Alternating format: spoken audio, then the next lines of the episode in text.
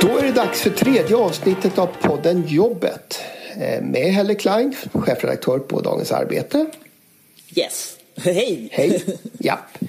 Och med mig Ingvar Persson som är ledarskribent på Aftonbladet. Eh, Helle igen då. När vi startade den här podden så var ju tanken att vi skulle ha en massa spännande gäster, att vi skulle vara i studio och allting.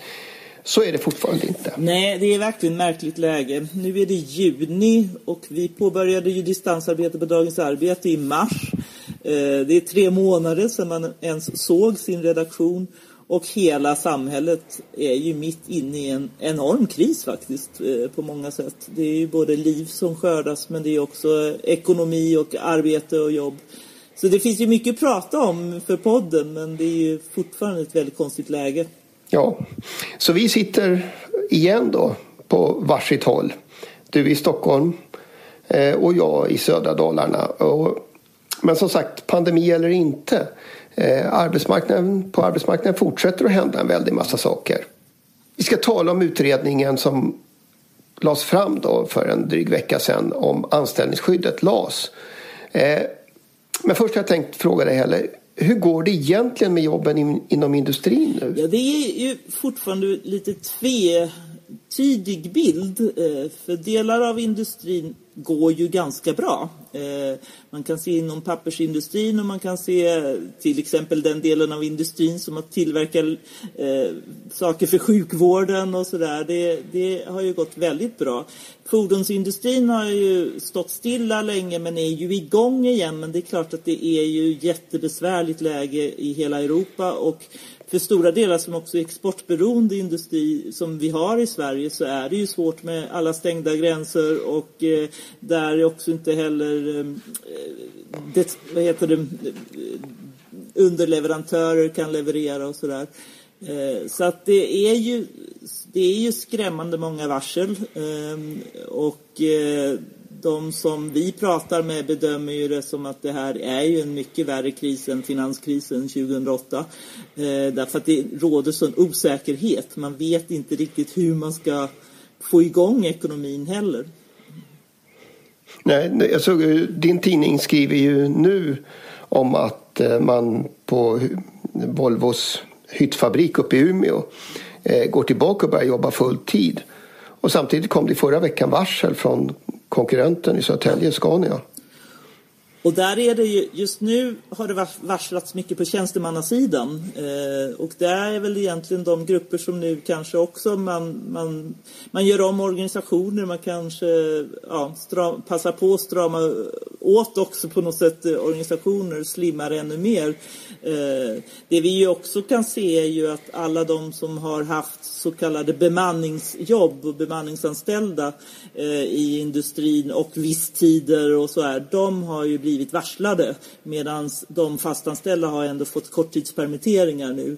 Eh, och där är det är sånt vi kan prata om sen när vi pratar om LAS, för där är ju en stor skillnad om, i anställningstrygghet. Samtidigt så noterade jag, vi pratade ju förra gången om det här med eh, diskussionen om aktieutdelning och sånt där.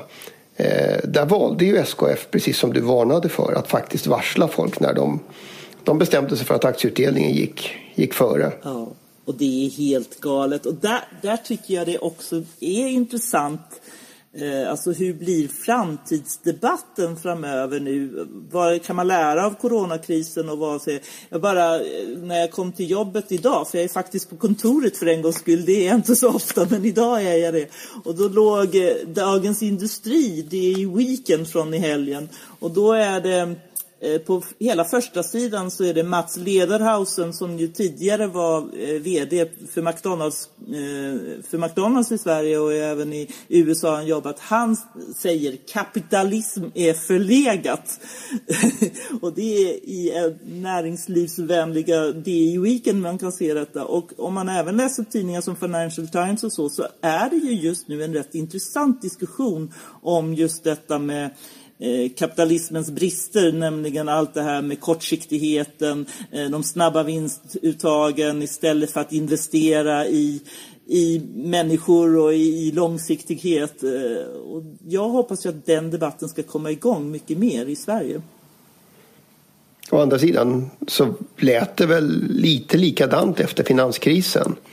Det kan man kanske säga. Eh, sen eh, kanske man, det kanske ändå läggs på. Man började och sen så gick det tillbaka till total normalitet. Jag får ändå vara optimistisk. Jag hoppas ändå att man på något sätt kan få ett annat tänkande. Det som du och jag ofta skrev om på Aftonbladets ledarsida, nämligen den kritiken mot kvartalskapitalismen. Eh, den mm. är ju nu formulerad i de stora liberala eh, tidningarna som Financial Times och det tycker jag är ett intressant tecken i tiden ändå. Det, det, måste vara, det måste vara svårt ändå att fortsätta att hävda att eh, marknaden verkligen löser alla problem. Ja. En annan sak. Ja. Eh, en annan sak. Eh, i, här i förra veckan, eller ja, för alldeles nyligen i alla fall, så röstade riksdagen ju också om en annan fråga vi haft uppe i podden. Det här med regionala skyddsombud. Eh, det gick inte riktigt som Roger Hellhag hoppades när han var hos oss i vårt första Roger program. Roger Mörtvik menar du tror jag. Mörtvik, förlåt mig, naturligtvis. Nej, verkligen inte och inte som arbetsmarknadsministern hade hoppats heller eh, och som hela fackföreningsrörelsen och alla som förstår något av det viktiga arbetsmiljöarbetet. Jag tror att det är en hel del företagare som också är ganska förtvivlade över den syn som Svenskt Näringsliv eh, sprider och som tyvärr har etsat sig fast i vissa borgerliga partier att, att man helt enkelt ska avveckla den fackliga förtroendemannaorganisationen och skyddsombuden eh, nästan om jag ska hårdra det. Eh, vi har en mycket skarp intervju med en från Sveriges Näringsliv i vår senaste nummer av Dagens arbetsmiljö och eh, det är en total, skulle jag vilja säga, okunskap om varför skyddsombud behövs och Eh, ett i grunden förakt för det som eh, alla inom facken gör för arbetsmiljön och det man gör ihop med arbetsgivarna faktiskt. Eh, så det här är jättebekymmersamt måste jag säga. Det blir också en, en märklig signal i, i liksom en tid när, när man diskuterar vad ska jag säga, osund konkurrens och, och de riktiga avarter som vi har sett på, på arbetsmarknaden. Alltså alla verkar ju överens om att ja visst, vi ska skärpa kontrollen och, och myndigheter ska ha större befogenheter. Men när det kommer till den här frågan då, eh, då är det stopp. Ja, och det är ju, jag tror att det är i dagarna här nu är ett stort seminarium om precis det du pratar om och liksom arbetslivskriminaliteten, inte minst i byggbranschen.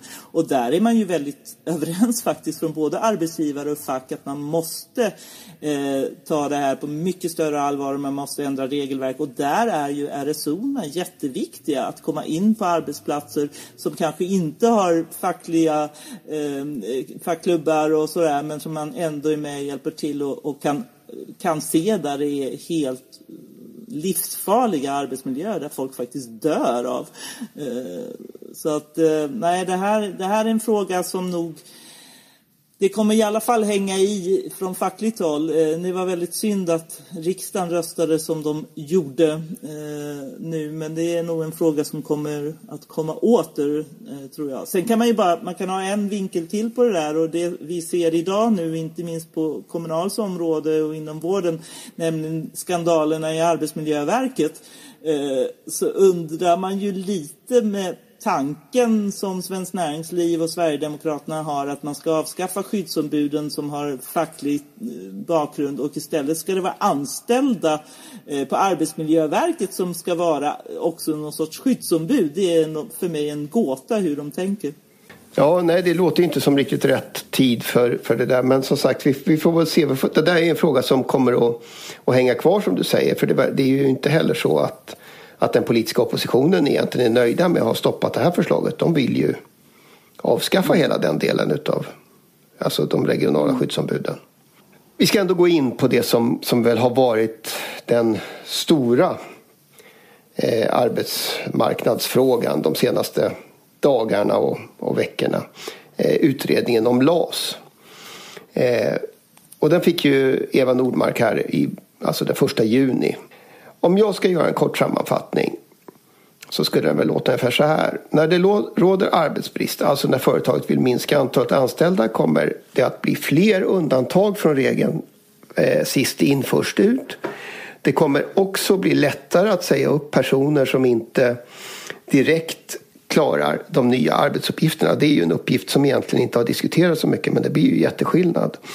Eh, och dessutom ska det bli svårare för en anställd att försvara sig eh, sin rätt om man har förlorat jobbet på fel grunder. Är det en hygglig ja, sammanfattning? Och det är ju, ja, alltså man hade ju ändå i dessa, när staten ändå skulle när man beslutade i januariöverenskommelsen om att tillsätta den här statliga utredningen så hade man ju direktiv där man ändå slår fast om att man ska, man ska visserligen luckra upp eh, LAS och förändra den eh, men man, man ska ju eh, också faktiskt se till att maktbalansen råder, att man inte kraftigt förskjuter balansen åt endera part. Eh, och jag måste nog hävda att, att, som utredningen nu säger så är det en kraftig förskjutning åt arbetsgivarhåll. Mm. Vi, vi, kan väl ta politiken alldeles strax men om man liksom ändå börjar med att ta avstamp i ja. verkligheten. Vad skulle det där betyda? Alltså, Ute på arbetsplatserna? Det skulle ju betyda ännu mer av eh, otrygghet, ännu mer av osäkra anställningar som ju i grunden skapar tystnadskulturer. Man kommer ju få rädda arbetare, rädda anställda som inte vågar påpeka saker men som sen kanske inte heller blir engagerade. Om man är rädd, om man skapar en auktoritär företagsorganisation så får man ju inte heller delaktiga medarbetare som kommer med egna idéer och som utvecklar företaget. Så jag tror att det här, vi har faktiskt en intressant debattartikel av Olle Westberg hos oss som ju själv är liberal. Eh, som påpekade, han var ju generalkonsul i New York under många år och där såg han ju hur den amerikanska arbetsmarknaden just byggde upp den typen av auktoritära system med väldigt rädda eh, anställda. Och det blev en väckarklocka för honom eh, och han ändrade helt åsikt och menar ju på att lagen om anställningstrygghet bör vara kvar och framförallt behöver man säkra anställningstryggheten. För det där, det där, alltså jag, jag tycker det finns ju någon sorts eh, politiskt symbolvärde i hela den här frågan. Det är ju, det är ganska uppenbart. Det här är, det här är liksom en, något sånt där som många av våra aktiva politiker har levt med sedan de var ungdomsförbundare. Det är monarkin och LAS. Ungefär så va.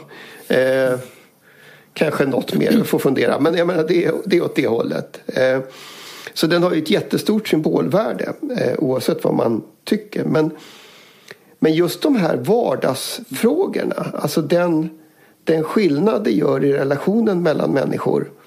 Och där är, väl, där är man ju nästan allra mest orolig över, över de här, att det blir så svårt att försvara sig mot osakliga uppsägningar.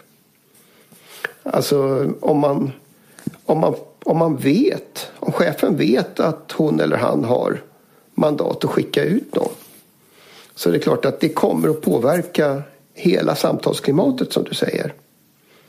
Och relationen mellan människor. Och hur, hur bedriver man ett bra arbetsmiljöarbete till exempel? Det bygger ju jättemycket på att man har eh, både arbetstagare och arbetsgivare i en ömsesidig relation men att man har arbetstagare som vågar påpeka att här är faktiskt livsfarliga saker eller det här borde vi nog ha bättre koll på och så här. Eh, så att jag, jag tycker att det får enorma konsekvenser för väldigt många delar i arbetslivet som, som inte bara har med själva anställningsformerna och anställningstryggheten att göra. Eh, sen är, är det ju också Alltså det vi kan se på svensk arbetsmarknad nu i coronakrisen det var ju att vi fick till stånd väldigt snabbt korttidsavtal. Eh, på varenda företag nästan så upprättades det eh, korttidsavtal. Och det bygger ju på att det finns ett ömsesidigt förtroende mellan fack och arbetsgivare där, man, eh, där kollektivavtalen är liksom kärnan i att vi ändå på något sätt gemensamt hittar en lösning. Och det har man ju byggt upp i Sverige i decennier. Men det är ju det här som man nu från visst håll, tyvärr, Centern och liberaler och andra på något sätt riskerar att rasera. Och då ska vi ha då en arbetsmarknad som bara består av konflikter. Det gynnar ju inte precis eh, Sverige om man nu ska tänka från deras håll. Nej, nej det där, jag, jag tycker själv att det är lite märkligt när man hör företrädare till exempel för Svenskt Näringsliv säga att eh, det gick ju bra innan LAS. Eh, i, i slutet alltså i 60, på 60-talet och 70, tidigt 70-tal. Eh, och även om det kan vara svårt att komma ihåg så är ju inte min bild av arbetsmarknaden i skiftet 60-70-tal eh, precis att det var lugnt och gick bra allting. Eh, vi uppmärksammar ju gruvstrejken för inte mm. så länge sedan och det var ju verkligen inte den enda eh, vilda strejken på den tiden. Så att det är lite, lite märkligt när de, när de gör den där eh, kopplingen. Ja, vi får väl se. Eh, vi har ju politiken också i det här fallet eh, och den är ju rätt förvirrad om man får uttrycka det så. Du var inne på det. Eh, jag tänkte vi har ett klipp. Så här sa Liberalernas Nyamko Sabuni till Ekot när förslaget presenterades förra veckan. Utredningen följer direktiven enligt januariavtalet och som vi fyra samarbetspartier är överens om.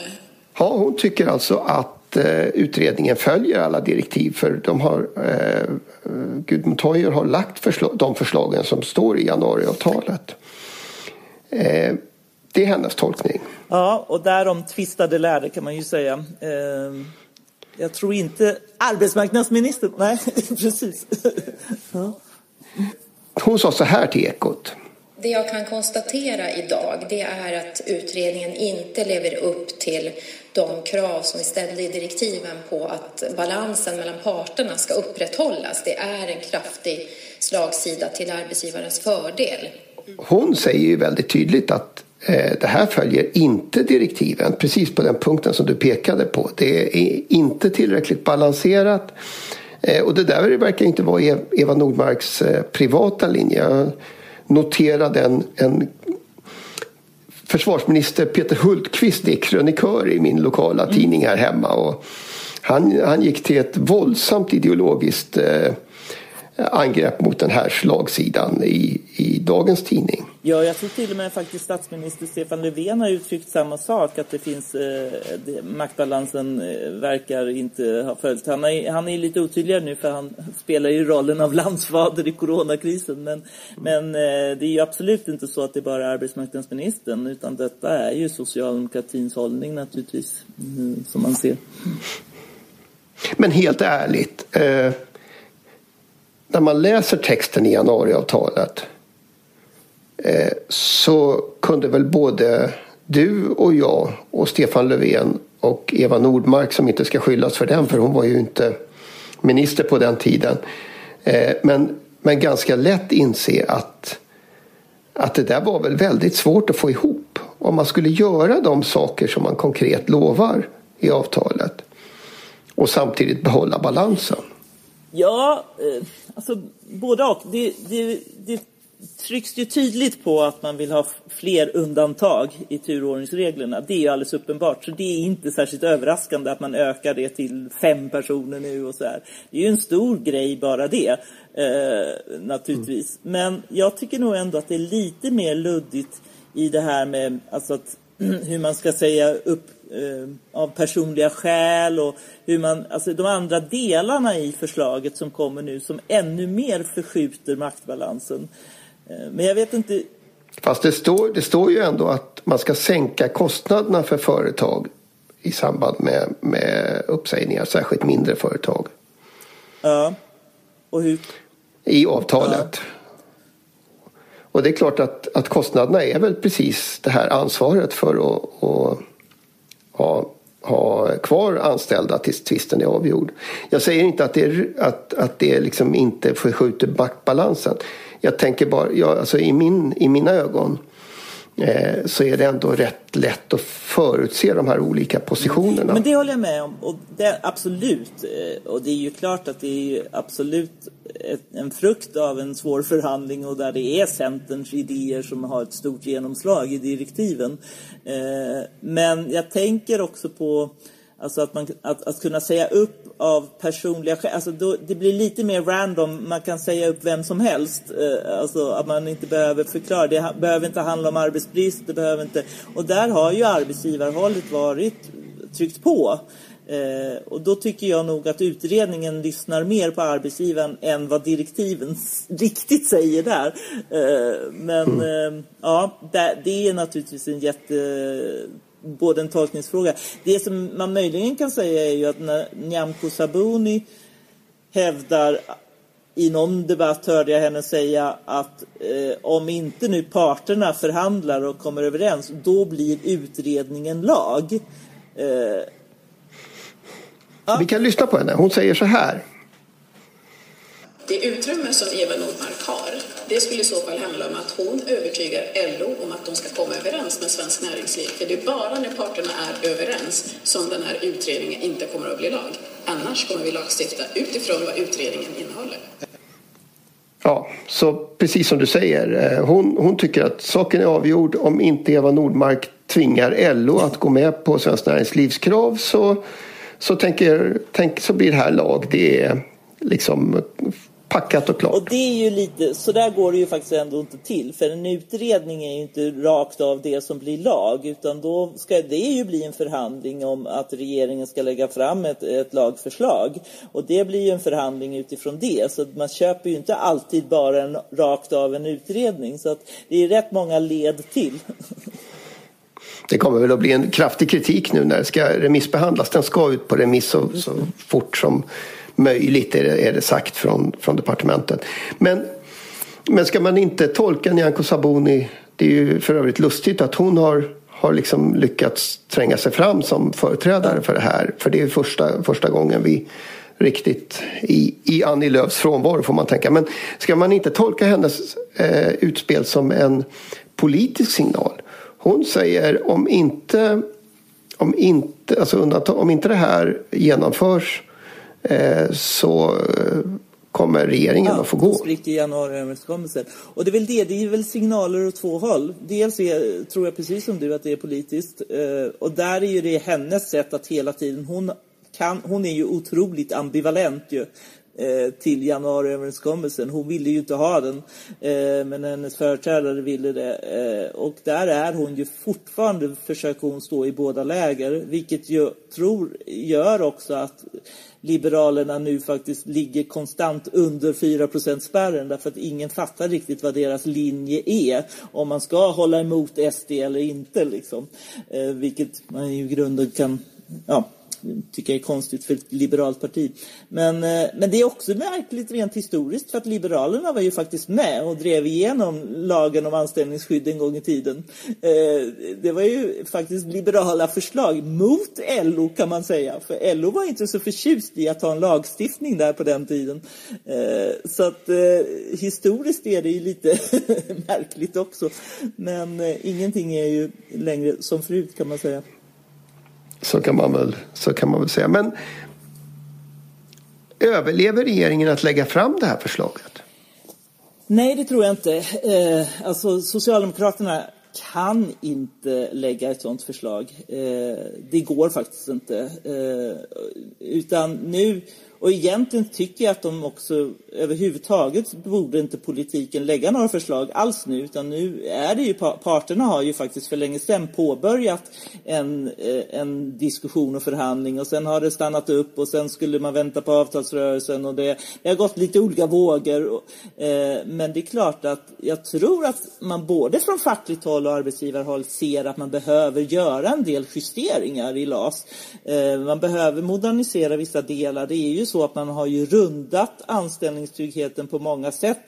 Inte minst med alla dessa visstidsanställningar och eh, bemanningsjobben och andra saker. Eh, och det är ju till nackdel för de, de anställda. Och samtidigt så kan man ju också tycka att man behöver mer av kompetensutveckling och hur, hur hittar man omställning och, och sådär. Och där finns det ju saker som parterna behöver prata om. Och arbetsgivarna vill naturligtvis ha en ökad flexibilitet som de alltid säger.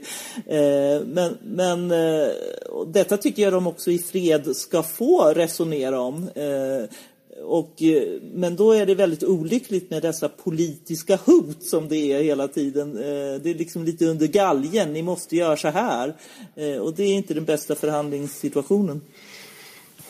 Så vi kan vänta oss en strid om inte annat så om, om själva tidsschemat eh, som blir rätt, rätt dominerande när, när liksom corona eh, vågen har dragit sig tillbaka en smula. Ja, och sen kan man ju säga att just i detta skede av den största samhällskrisen på år och dagar eh, börja luckra upp folks anställningstrygghet. Alltså det är så malplacerat politiskt också skulle jag vilja säga. Jag tycker att, att eh, Centern och Liberalerna eh, spelar hasard här. Alltså det, det är för mig en gåta att man, man vill göra detta eh, nu. Det ja. Jag vet inte riktigt hur man ska tolka det. Ja. Nej. Bara tillbaka till det här med förhandlingarna. Det får bli avslutningen för nu börjar tiden går som vanligt när vi, när vi pratar. Men eh, det är bara några dagar kvar till den här lite förkortade och minimalistiska LO-kongressen som ska hållas då den 15. Eh, med framförallt val utav, utav ordförande och ny ledning. Och det verkar ju bli en stillsam historia eh, att döma av, av eh, pratet före. Det var vi väl inte alldeles säkra på här i, lite tidigare i vintras. Där har nog coronakrisen faktiskt på ett sätt spelat roll och också naturligtvis de politiskt förändrade landskapet. För jag trodde det kunde bli en riktig rejäl ja, konflikt faktiskt eh, på LO-kongressen. Men nu verkar det betydligt stillsammare och det blir Susanna Gidensson kommer bli ordförande. Ja, och, och Torbjörn Johansson fortsätter som avtalssekreterare. Det kommer inte att finnas någon representant för facken inom industrin i, i LO-ledningen. Nej, och det är väl, jag kan inte riktigt historien i huvudet här nu, men det är väl väldigt ovanligt. Det tror jag är väldigt ovanligt. I själva verket har väl LO-ordföranden alltid kommit antingen från, från eh, Metall eller från Skogs och Trä. Utom Vanja Lundby Wedin då som, som var kommunalare. Men det, så det tror jag är, är ovanligt. Eh, men den stora frågan i det här fallet är väl hur starkt mandat kommer de att ha i, i, den här, i de här förhandlingarna? Ja, där är det ju lite speciellt eh, nu. Och det beror ju också lite på de andra förbundens roll här. För det, det är klart att, att LAS-frågan hade nog blivit väldigt hett debatterad på LO-kongressen. Och nu blir det mm. inte riktigt så eh, på den här minimalistiska. Men det, beslutet skjuts upp till ett, ett representantskap ja, i augusti, inte och då, Ja, där det kan mycket väl bli rätt het debatt där, tror jag. För att det finns ju fortfarande en del eh, olika syn, eller man drar lite åt olika håll om hur mycket man kan tänka sig kompromissa. Eh, och man har lite olika ingångar också i LAS-frågan beroende på vilken bransch man tillhör. Om det är industrin eller om det är inhemska marknaden eller om det är eh, till exempel som Kommunals eh, områden och så. Här. Men eh, så att jag, jag, jag vågar inte säga, det, det är ju lite rad, det kommer bli en jättespännande höst. Där får ju podden mm. Jobbet fortsätta för det blir ju avtalsrörelse också mitt i hela det där. Det, det, blir avtalsrörelse och dessutom så ska vi väl vid det laget också kanske börja eh, fundera ännu mer på hur arbetsmarknaden egentligen har påverkats eh, i grunden utav, utav den här, den här pandemin. Men den, det får bli höstens eh, program för jag tror att det här är sista avsnittet av jobbet och förhoppningsvis till hösten så kommer vi att kunna dra igång igen enligt plan i studio på samma ställe och med gäster. Med lite spännande gäster. Ja, det är bra. Det blir bra.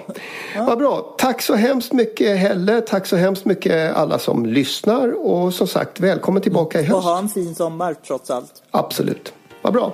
Tack. Hej.